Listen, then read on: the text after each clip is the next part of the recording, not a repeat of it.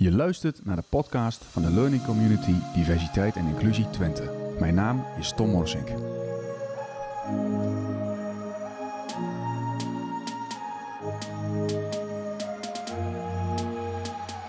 Aan tafel Ilke, Freek en Marco. Welkom. Marco, mag ik bij jou beginnen? Wie ben je? Ik ben Marco Strijks. Uh, ik vertegenwoordig uh, Saxion aan tafel vanuit het DICE Office, Diversity, Inclusive Culture en Equality. Dankjewel. Freek. Ik ben Freek Jager. Ik ben momenteel voorzitter van COC Twente Achterhoek.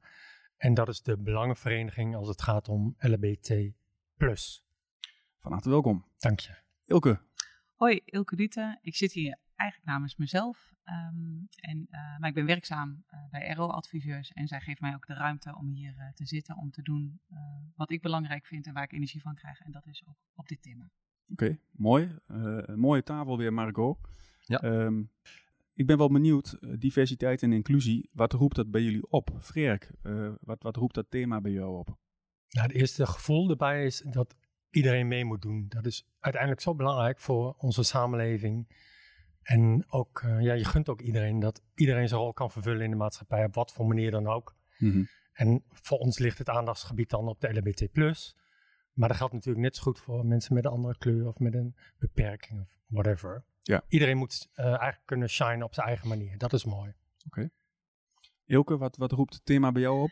Ja, eigenlijk hetzelfde. Um, want ik vind ook, iedereen doet het toe. Zo ben ik opgevoed, uh, van huis uit, vanuit uh, mijn moeder. Uh, en ik, ik, ben ook altijd overal zo in het diepe gegooid, wat soms wat ongemakkelijk was. mijn moeder werkt met verstandelijk beperkte mensen. En daar gingen wij vroeger ook altijd naartoe, daar speelden wij ook mee. dus dat voelde in het begin ongemakkelijk. Mijn dochter zegt zelf ook heel vaak van, goh, die meneer doet gek. Of die mevrouw doet gek, nou die doet anders. En, het is, oh ja. en ik ben ook met anders opgevoed, ook qua school, um, op een hele ja, diverse school gezeten. En voor mij, als je kan shinen, kan doen waar jij gelukkig van wordt, dus iemand gewoon in, een, in zijn of haar of hun waarde laten, ja, dat, is, dat roept zoveel mooie energie op en zoveel liefde ja, dat is voor mij belangrijk. En dat is ook mijn drive en mijn rode draad bijna in alles. In mijn werk, wat ik doe uh, en hoe ik in de omgang met mensen ben. Uh, in iedere minuut van de dag uh, is dat aanwezig. Oké. Okay. Marco, diversiteit en inclusie. Ja, we hebben een aantal van die podcast-series al opgenomen. Er zijn hele mooie antwoorden voorbij gekomen. Maar ja, iedereen moet meer kunnen doen. En uh, we proberen uh, vanuit DICE proberen we dat ook steeds meer te faciliteren. Gisteren had ik een heel mooi gesprek met de vertegenwoordiger van mensen met een anders werkend lichaam. En die vertelde me dat iemand in een rolstoel, als hij naar de bioscoop gaat, als de, met de vrienden naar de film wil kijken, wordt hij vaak naast een prullenbak gezet en de lege bierflesjes. terwijl de valide mensen gewoon in een stoel plaats kunnen nemen in het publiek. en dat, dat is niet echt meer doen nog. Nee. Um, dat voelt voor die mensen ook uh, vervelend. Ja. En wij, wij proberen ook uh, dat zoveel mogelijk te faciliteren. Hm. Ja. Freek, als ik me niet vergis, uh, afgelopen zondag kan het zijn dat ik jouw naam voorbij zag komen in de lokale media hier. Oh, dat zou best eens kunnen, ja. We hadden ja. een, een actie rondom de voetbalwedstrijd in Hongarije. Waarin we een oproep hebben gedaan om een regenboogvlag uit te hangen. En dat heeft wel het nodige gehoor opgeleverd, ja. ja. ja. Kun, je, kun je er iets over vertellen? Ja, het, initiatief werd eigenlijk vlak voor de, voor de wedstrijd pas geboren. Dus het ging op heel korte termijn, hebben we een actie opgezet. En het, ja, uiteindelijk heeft eigenlijk heel Nederland heeft ook wel meegedaan. Alle COC's zijn aangehaakt. En uh, we hebben op heel veel gemeentehuizen in het land hebben we de regenboogvlaggen gezien. Maar ook toch veel bij particulieren. Er is ook heel veel discussie geweest. Hè? Dat krijg je ook altijd. En dat is, ja, ik vind dat zelf misschien wel het allerbelangrijkste. Die vlaggen zijn een mooi symbool. Maar waar het om gaat is dat het tot heel veel discussies heeft geleid. Ja, maar, Dialogen, ja. Ja. Maar wat ik heel mooi vond, ik was uh, zondagochtend even aan het hardlopen en dan rende ik langs de vrijgemaakt gereformeerde school aan de Haaksbergenstraat hier in Enschede. En daar hadden ze allemaal uh, regenboogvlaggetjes opgehangen. Wat leuk. En vanuit die, die, die geloofsinstelling toch inclusief zijn door te zeggen van hé, hey, wij doen hier aan mee. Ik vond het zo mooi. Ik kreeg toen echt even kippenvel.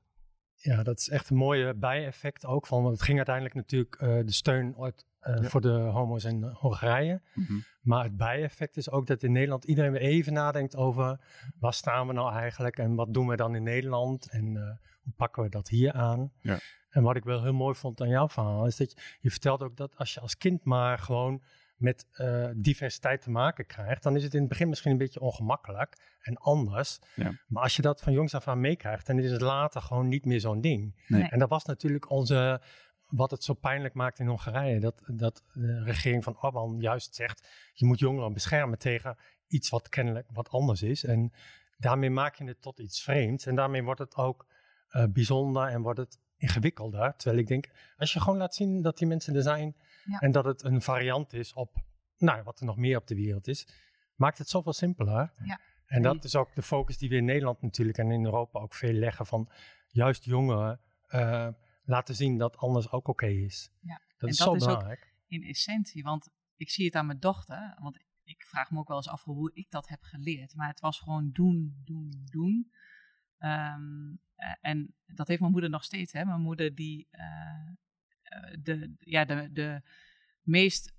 eh, ik, ik zat op een school waar toch ook wel eh, mensen zaten die het verkeerde spoor op zijn gegaan. Maar als wij eh, die tegenkomen, dan zeggen ze nog steeds... Hoi, moeder van Ilke. Weet Oh je, dat heeft zoveel indruk gemaakt van... Goh, ik mocht, ik, ik deed ertoe. Hè? Dus moeder zei ook van, het kan anders zijn, maar je doet gewoon ook normaal. Dit is gewoon, dit hoort er gewoon bij, dit is er gewoon.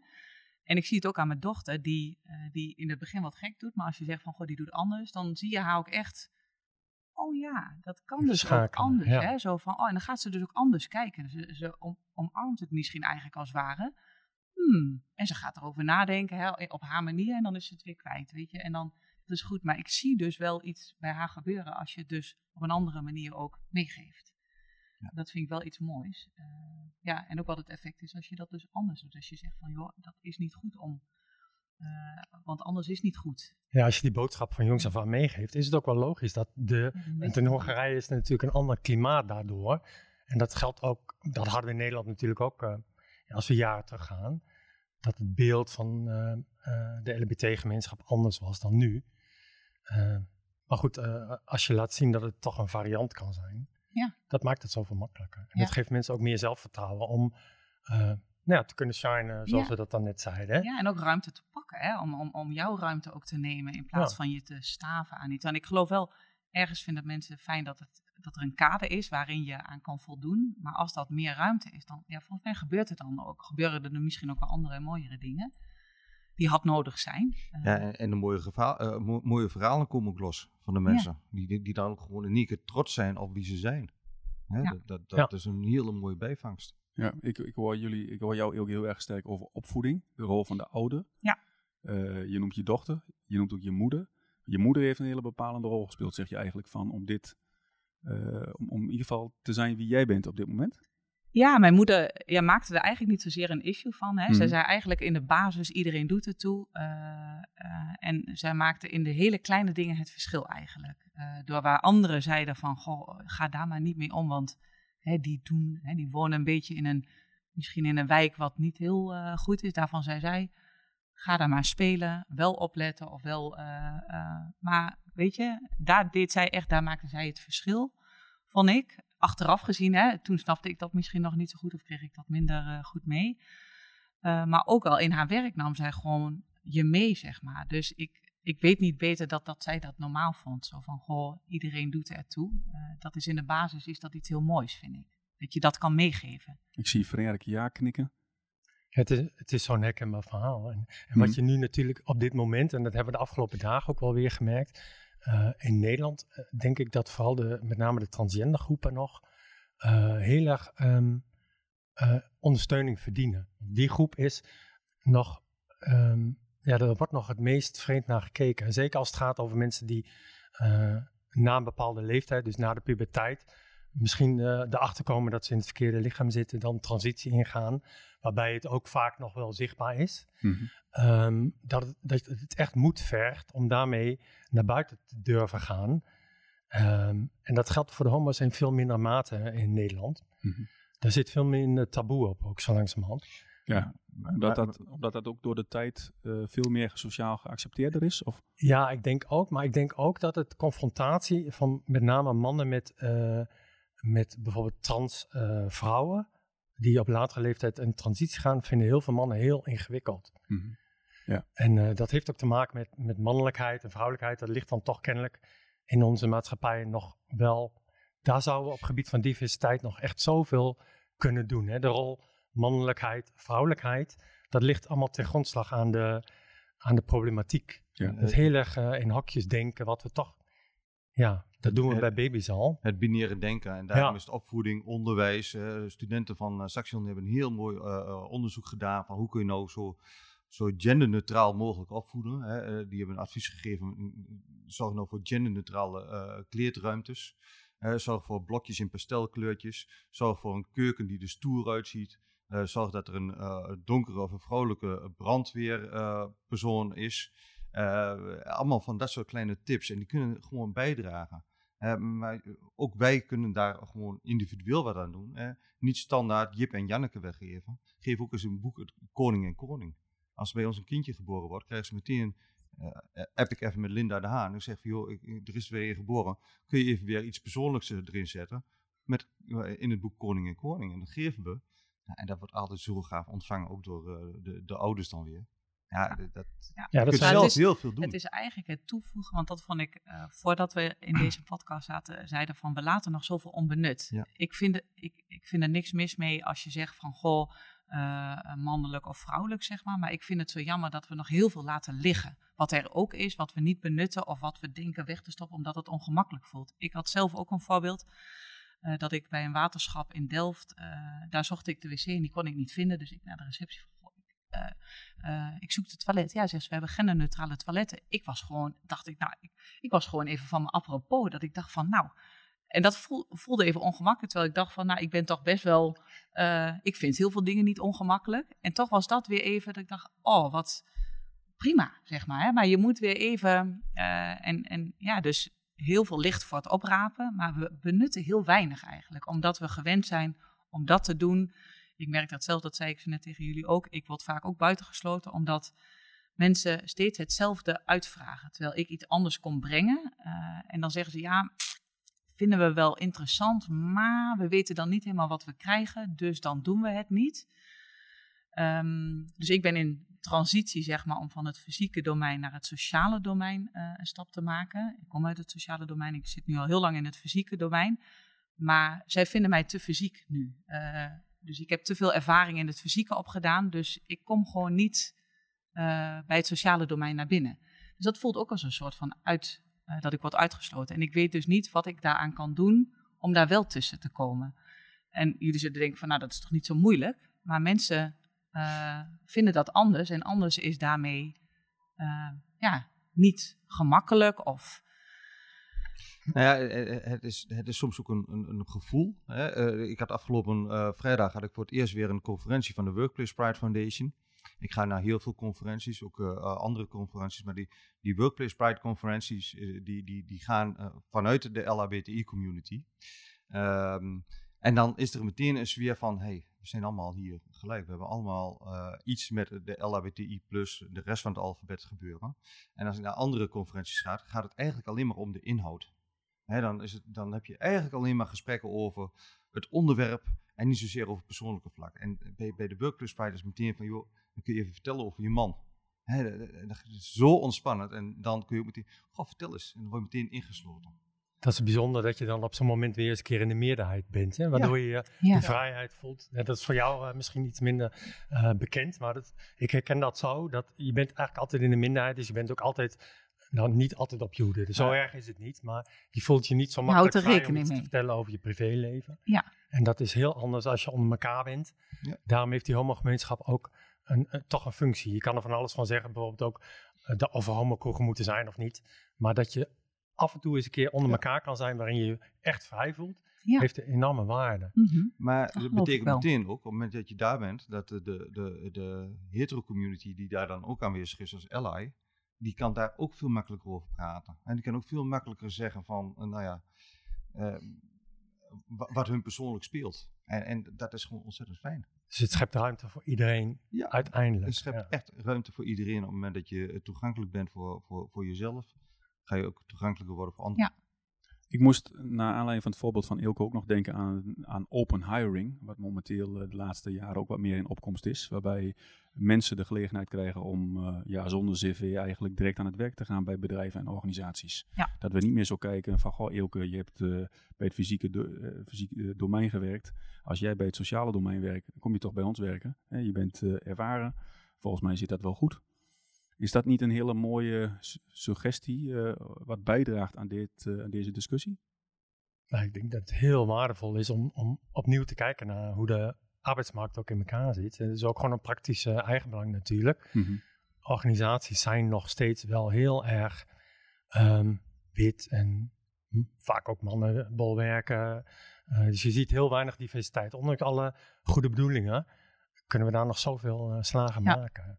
En dat geldt ook voor de LBT. Er is laatst ook wel weer een onderzoek gedaan waarin de promotiekansen voor de doelgroep ook in Nederland toch beperkt blijkt te zijn. Dat, daar was ik zelf nog wel verbaasd over. Ja. Hoe moeilijk het kennelijk is om, om toch ook door te breken in Nederland. Dus er zijn nog allerlei beperkingen. Mhm. En er blijven ook veel te veel mensen aan de kant staan. En open hiring is natuurlijk wel een, een ideaal plaatje, wat voor niet elk bedrijf, ik werk zelf in de zorg. En, en mensen hebben natuurlijk allemaal diploma's nodig, daar ontkom je niet aan. Nee. Ja. Maar dat je op een andere manier ook kijkt naar hoe kunnen we diverser zijn.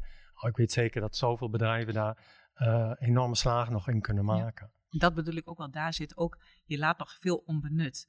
Als je een team best goed op orde hebt en je zegt van, goh, ik ga één of twee plekken laat ik open voor hetgeen wat zich aandient of hetgeen wat ons iets anders komt brengen. Alleen dat uitgangspunt bijvoorbeeld al eh, zou, eh, hè, zou je kunnen verbazen of zou je kunnen verrassen of zou je nieuwsgierig naar kunnen zijn. Ook in het geloof dat een diverse team eh, ehm, nou, in zijn totaliteit anders kijkt naar vraagstukken dan dat je dat altijd op dezelfde manier zou doen. En soms is een manier heel goed, maar ja, ik, ik daar, daar, en omdat ik het zelf eh, aan de lijve ondervind, is het ook een soort van koren op mijn molen. Hè? Want het eh, geeft heel veel mooie gesprekken, omdat ik het zelf ook ervaar hoe ingewikkeld het is. Wat ook teleurstelling, frustratie, irritatie, verdriet bij me oproept. eh, maar ook wel weer nieuwe energie om, om te kijken van, goh, maar wat moet ik dan doen? Of wat, hoe kan ik dan anderen helpen? Of ik snap hoe het is om buitengesloten te zijn zonder... Er is volgens mij niks mis met mij, maar mensen benutten het niet. Mensen Ja. doen het denk ik ook soms niet met opzet. Maar het is er wel en het is soms zo hardnekkig. Bedrijven vinden het toch ook lastig om, om echt stelling te nemen, denk ik. Er zijn natuurlijk uitzonderingen, zoals Saxion doet dan mee met eh, Workplace Pride. Maar dat is natuurlijk super mooi, maar niet voor alle organisaties haalbaar. Maar echt durven uitspreken dat je diverser wil zijn, dat gebeurt eigenlijk eh, niet zo vaak. En mensen Maar- zeggen altijd van we zijn divers en daarmee is het alsof het daarmee gerealiseerd is. Hè? Dat horen wij ook heel vaak. Maar het is ook eh, eh, onbewust, onbekwaam. Hè? Eh, mensen die, die gaan er maar vanuit wat we vroeger hebben geleerd, dat geldt nu nog steeds. Hè? Voor mezelf, op het moment dat ik een functieomschrijving zie en er staat MV, eh, dan, dan Ja. zie ik dat al meteen van, oh, ze zoeken een hetero. Hè, daar ga ik niet meer op solliciteren. Ik, ik laat het gewoon, dan voel ik me al meteen uitgesloten. Hè, maar er komt er met zoveel studenten hier werken die eh, anders geaard zijn. Ik denk, van, dat moet ik ook niet meer willen om, om, om met die symboliek eh, door te gaan. Ik heb een dubbele achternaam, dat- omdat ik eh, gelukkig getrouwd ben met een, eh, met een man. En dan word ik soms ook ge- eh, eh, aangesproken met mevrouw Strijks. Hè, dus dat, dat maakt het ook wel grappig Ja. aan de ene kant. Maar het is natuurlijk wel heel gek. Hè, dat, dat, het is dat nog niet gebeurt. logisch dat, Nee. dat mensen ook denken aan dat er nog meer is dan alleen Ja. maar de standaard beeld. Dus Dus ik, ik Ja. zou dat open hiring, hè, waar je Mhm. net over had, ik zou dat toejuichen in elk vakgebied. Mhm. Wij, wij zetten ook bewust, eh, als we studenten nu naar Curaçao en naar Suriname eh, sturen, zetten wij soms studenten vanuit een ander vakgebied bij bedrijven, waar Ja. ze normaal gesproken niet terecht zouden komen. Ja. Want Ja. dan, Heel goed, je vinden, stimuleert. dan vinden we daar ook innovaties plaats, omdat ze, die, die studenten vanuit een heel ander oogpunt, eh, bijvoorbeeld een eh, verpleegkundige die eh, in het gevangeniswezen terechtkomt, hè, dat heeft nog enigszins raakvlakken. Eh, maar eh, eh, een architect die op een uh, diep, diepzee eh, duikschool terechtkomt. Hè, dat, dat geeft hele andere inzichten. Ja, dat is heel waardevol. Ook men, je ziet in de zorg nu bijvoorbeeld ook wel dat mensen gaan binnenstromen. Hè? Vanuit Ja. eh, dat andere bedrijven moesten stoppen. En hoe goed het is dat mensen eens op een hele andere plek binnen een andere branche gaan kijken. Soms ook omdat ze uiteindelijk zien dat daar hun hart veel meer ligt dan bijvoorbeeld bij Defensie, waar ze eerder werkzaam zijn. Maar je maakt die stap niet zo gauw. Dus je moet af en toe een duwtje hebben. En nu door corona of krijgen mensen Dat zijn omstandigheden. Ja, Ja, precies. ja. Maar hoe kunnen we mensen meer, hoe kunnen we organisaties nou meer verleiden om zelf die blik te verruimen? Dat vind ik altijd wel het lastige. Hoe krijg je, en dat geldt niet alleen Ja. voor bedrijven, dat geldt natuurlijk ook voor, voor, voor gemeenten in ons Ja. geval. Maar ook voor de mensen aan zich. Hè, dat Ja. eh, geldt op verschillende Ja. niveaus. Zelfs binnen je vriendenkring kan je de discussie af en toe eh, op gang brengen. Ja, zeker. Daar, daar ook, eh, komen vaak ook hele mooie gesprekken uit. Hè? Ja, want dat, dat, dat is wel wat jullie zeggen, wat we moeten doen, die etiketten. Of juist niet. Want ik las afgelopen weken ook herhaaldelijk van, goh, ja, het zou heel mooi zijn, misschien wel als droom, van eh, dat, dat we dit gesprek niet voeren. Moeten we dit gesprek nou wel of niet voeren? Wij hebben, ja, Nou, ik vind het leuk dat we het voeren. ja, Dus Ja. laten we het gewoon laten we het wel voeren. laten we doorgaan met Het deze ook, podcast. Ja. mij. Eh, het, het is denk ik ook goed eh, om eh, eh, vanuit het verhaal hè, eh, lotgenoten eh, te krijgen. Hè? Mhm. Rolmodellen zet je dan neer. Eh, voor, voor onze studenten is het heel erg belangrijk, eh, maar ook voor onze collega's is het nog steeds heel erg belangrijk. Want ehm, eh, ook van, van nou ja, open hiring, kijk eens naar, naar ons personeelsbestand. We zijn nog steeds een hele eh, wittere, witte, cisgender, eh, hetero hogeschool. Ehm de, de, de, de, de, er loopt wel wat diversiteit rond, maar het is marginaal. Het is zeker geen afspiegeling van de samenleving. En het is zeker ook geen eh, afspiegeling van, eh, van de studenten die we hier binnen hebben. We hebben een hele grote Syrische orthodoxe gemeenschap hier. Daar zien we nog veel te weinig in het personeelsbestand terug. Neemt niet weg dat het nu strakker in het beleid komt te staan. Dat we ook zeggen van eh, diversiteit en inclusie doet ertoe. Mhm. Op het moment dat we het vastleggen in het beleid, kunnen we daar ook andere acties aan eh, eh, verbinden. En ik denk dat elk bedrijf met beleid bezig moet gaan om te kijken van hey, hoe zetten we dat in, in ons beleid? En hoe kunnen we dat dan ook weer koppelen aan onze nou, bijvoorbeeld toeleveranciers? Want ik- Ja, of juist ruimtelatend in het beleid. Hè. We proberen ook heel veel wel eh, te, te willen regelen. Ik heb soms ook wel heel erg behoefte van. Ja. Ik zoek ook wel graag die 5% of die 10% op waarin je mag afwijken, zeg maar. Hè. Zo van kan je de randjes opzoeken. Ehm, om soms ook een, om een punt te kunnen maken of om te laten zien dat het ook anders kan. Ik ben heel erg voor die randjes op te zoeken. Ik heb onlangs eh, gesproken met een, eh, met een inkoper. En die zegt van op het moment dat, jullie, eh, dat het beleid strakker op papier komt te staan, kunnen wij ook eisen gaan stellen aan onze toeleveranciers. Als wij bijvoorbeeld een Europese aanbesteding hebben, dan kunnen we gaan zeggen van Ja. joh, hoe zit het met jullie diversiteit en inclusiebeleid? Ja, het helpt dus, zeg je. Hè? Maar Ja. daarvoor zou het beleid ook moeten zijn dat het helpt. Maar je ziet Ja. ook wel, we zijn ook een controle eh, eh, in ons systeem en, en, en hou vast. We houden ons er ook heel vaak aan vast. Het zou zo pragmatisch moeten werken. Eh, dat, je, eh, eh, ja, dat je inderdaad aan kan zetten tot de volgende stap. Ja.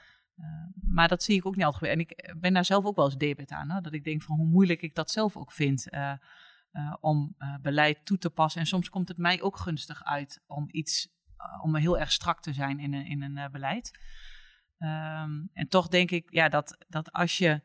Eh, en ik heb een keer een, eh, een, een, eh, een soort van. Ja, het was toen geen webinar, maar in Amsterdam in Pakhuis en Zwijg heb ik een keer een sessie meegemaakt over nieuwsgierigheid.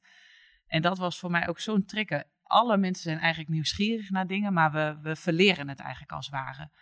En dat vind ik ook heel erg passen bij dit thema. Zo van als je, want als je hier een, een wand zou zetten met een kijkgaatje, ik denk dat van de honderd mensen die langskomen, door dat gaatje zullen gaan kijken. En ben je nog nieuwsgierig naar dingen? Hè? Als je zegt van, goh, we, laten nog, we benutten nog niet alles, ben je nieuwsgierig naar wat we niet benutten? Ja. Maar ben je nieuwsgierig naar een ander? Mijn moeder, en ook mijn, mijn vader, dat heb ik ook van mijn, vanuit mijn opvoeding, die is nieuwsgierig naar alles. Die staat dat iedereen het doet, plus het nieuwsgierig willen zijn. Zo van, oh, maar jij bent anders, maar wat, wat is dat dan? Hè? Van, het verrijkt mij echt iedere dag. Dit verrijkt mij, maar Ja. ook dat ik, dat, dat is leren, dat is smullen. Maar ja, dat, dat is ook daarvoor openstaan. Dat is ook ruimte daarvoor openlaten. Nou, het doet mij ook heel erg denken wat je zegt, Ilke, aan de. eh is ook al vaak teruggekomen, Marco, in onze podcast eh, over diversiteit en inclusie. Hè. Diversiteit, daar slagen we vaak met elkaar wel in. Dat we veel verschillen in de organisaties hebben en in de samenleving. Maar het gebruik maken van die verschillen, dat doen we eigenlijk onvoldoende. Ja. Dat, is, dat hoor ik eigenlijk tussen de regels door ook bij jou, eh, Ja. wat je zegt. Ja. Ja. En ik vind dat ook wel, want ik vind het ook fijn als ik kijk naar, als ik ga eten bij een restaurant, dan kies ik toch heel vaak hetzelfde. Hè? Dus ik betrap mezelf ook op steeds dat ik weer hetzelfde kies wat ik, en dat, dat is niet dat dat niet mag of zo, maar ik bewonder ook wel mensen die steeds alles van de kaart willen eten. Ja. Mijn collega die doet dat bijvoorbeeld. Die zegt, ik wil alles geproefd hebben. En dan pas kan ik zeggen, nou, dan ga ik voor dat. eh, denk ik van, wauw, daar zou ik wat meer van mogen hebben. En denk ik, oh, dan moet ik Ja. opletten bij mijn eigen heel, opvoeding of met mensen met wie ik omga. dat Mooi ik dat- voorbeeld. ja. wa- wat heel leuk is om gewoon te zeggen van ik hou wel van vis eh, of ik hou niet van vlees of ik ben vegetarisch. En dat je dan de kaart teruggeeft van ik wil eh, twee gangen of drie gangen. En bepalen jullie maar. Kies maar. Ja. Ja. Ja. En je moet toch, want dat is wel een heel mooi, eh, dat voorbeeld van dat gaatje, dat kijkgaatje. Je moet mensen op een of andere manier, die nieuwsgierigheid moet je prikkelen. Ja, Eh, en dan gaan, komen mensen ook wel in beweging. Want anders Ja. gaat van nature kies je vaak voor vertrouwde patronen. Hè? Zo zitten Ja. we denk ik in elkaar. ja, dat in ieder is, geval ja, en dat kun je volgens mij ook niet zomaar veranderen. Nee. Maar je kan wel bepaalde dingen doen. Hè? Dus dat zou, ja, en dat vraagt natuurlijk ook wel wat creativiteit. Ja. Maar daarvan zeg ik ook van dat is de uitnodiging. Want er is zoveel. Maar als we dat dus niet uitvragen of we weten niet wat we missen, daarom moet je het vaak ook doen. Dus als je daarin het beleid zou zijn dat je daar ruimte in laat, dat dat mag. Zonder dat dat goed of fout is. Ja, wat zou er dan ontstaan? Ja, Maar die ruimte die kun je al vastleggen in het beleid ook weer. zeker. Ja, Ja, het, eh, dat denk ik ook. Ja. We kunnen zo, die nieuwsgierigheid, het is zo gaaf ook om met, eh, met mensen die, die een andere achtergrond hebben om in gesprek te gaan. Ik leer echt enorm veel eh, van, van op dit moment een student met een islamitische achtergrond. En, en ja, da, da- da- aan de ene kant eh, verbazing, hè, omdat hij met zijn naam eh, niet aan de baan komt, eh, eh, Ja. die, die, waar, waar een, eh, een, een autochtone student wel voor in aanmerking komt. Ehm, maar ook van die cultuur. Ik denk van, joh, wat mooi eigenlijk. Ja. Wat gaaf. Het is zo, ja, dat, het idee van de, wat de boer niet kent, dat verder niet zeggen Ja. in de Achterhoek. ja, Hè? ja, En dat is ook zo, als je eenmaal laat zien, en dat geldt voor mij ook, toen ik bij het COC kwam, wist ik ook helemaal niks van transgenders, eerlijk gezegd. En het feit dat je nu al tien jaar lang met de mensen praat, dat je ze leert kennen, Ja. en dan zie je hoe enorm eh, interessant het is, hoe ontzettend eh, complex hun leven ook is. Dus de bewustwording van eh, hun problematiek wordt groter, maar dat geeft ook heel veel kracht. En het is ook mooi om te zien hoe strijdbaar de mensen zijn. En Mhm. Om die aan boord te hebben, in ons geval dus bij het COC. We hebben nu ook twee trans mensen in het bestuur. En dat geeft ook weer zoveel energie. En Ja. zo belangrijk. Dus op die manier mensen erbij betrekken, geeft ons alweer kracht om dingen te doen die we eerder nooit... Kijk, eerder praten over transgenders, dat was een groep die erbij hoorde. Maar het, het zat niet in onszelf. Het, het was een beetje theoretisch eh, activisme, zeg ik dan maar. Ja. Maar nu we ze Ja. zelf zien en de verhalen horen, nu worden wij ook echt super fanatiek eh, rondom de thee. Ja. Ja. En dat is gewoon mooi om te zien. Dus je moet mensen eerst even kennen en dan wordt het eh, boeiend. En uh, wij hebben nu uh, een, een, een, transpersoon in dienst, Helena. En sinds we Helena in dienst hebben, worden de studenten die met uh, de geaardheid, met de trans of de binair, non-binaire geaardheid, die worden doorverwezen naar Helena. En we hebben nu ongeveer, en hebben we eerder nooit, 40 tot 50 studenten hebben in beeld die in transitie zitten of in transitie willen. Moet je nagaan hoeveel Ja. dat er zijn. Ja. Maar we hebben ook 27.000 studenten. Dus Ja. het is... Het zullen er vast nog veel meer zijn. Ja. Ja. Ja. Maar je zag ze nooit. Nee, we zagen En ze nu nooit. zie je ze. Ja. ik, heb, ik heb nog geen zicht erop hoor, maar, maar eh, de Helena die heeft ze allemaal in beeld. eh, samen met onze, uh, we hebben natuurlijk studentpsychologen en studenten-decanen. Die hebben ze wel in beeld. En, uh, en wij mogen het natuurlijk ook niet vastleggen, gaan we ook niet doen. Maar we willen wel zoveel mogelijk ook die groep ondersteunen. Ik, op het moment dat ik met iemand praat, verwijs ik ook altijd door naar het transcafé van, uh, van Stonewall hier in, uh, in Enschede. Hè, maar die hebben ook een Mercury Café, wat ik ook heel erg mooi vind, voor mensen met een verstandelijke beperking die anders ja. geaard zijn. Heel belangrijk, heel gaaf, heel leuk. Allemaal verhalen die we eigenlijk nog een keer moeten uitdoen. Ja. Deze podcast is onderdeel van de Learning Community, diversiteit en inclusie.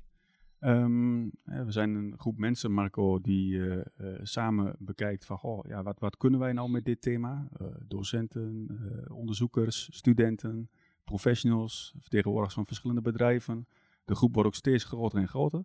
Um, ik ben nog wel, wel benieuwd, Eelke, Freek en Marco, wat is jullie advies aan de learning community? Wat, wat, wat willen jullie ons meegeven?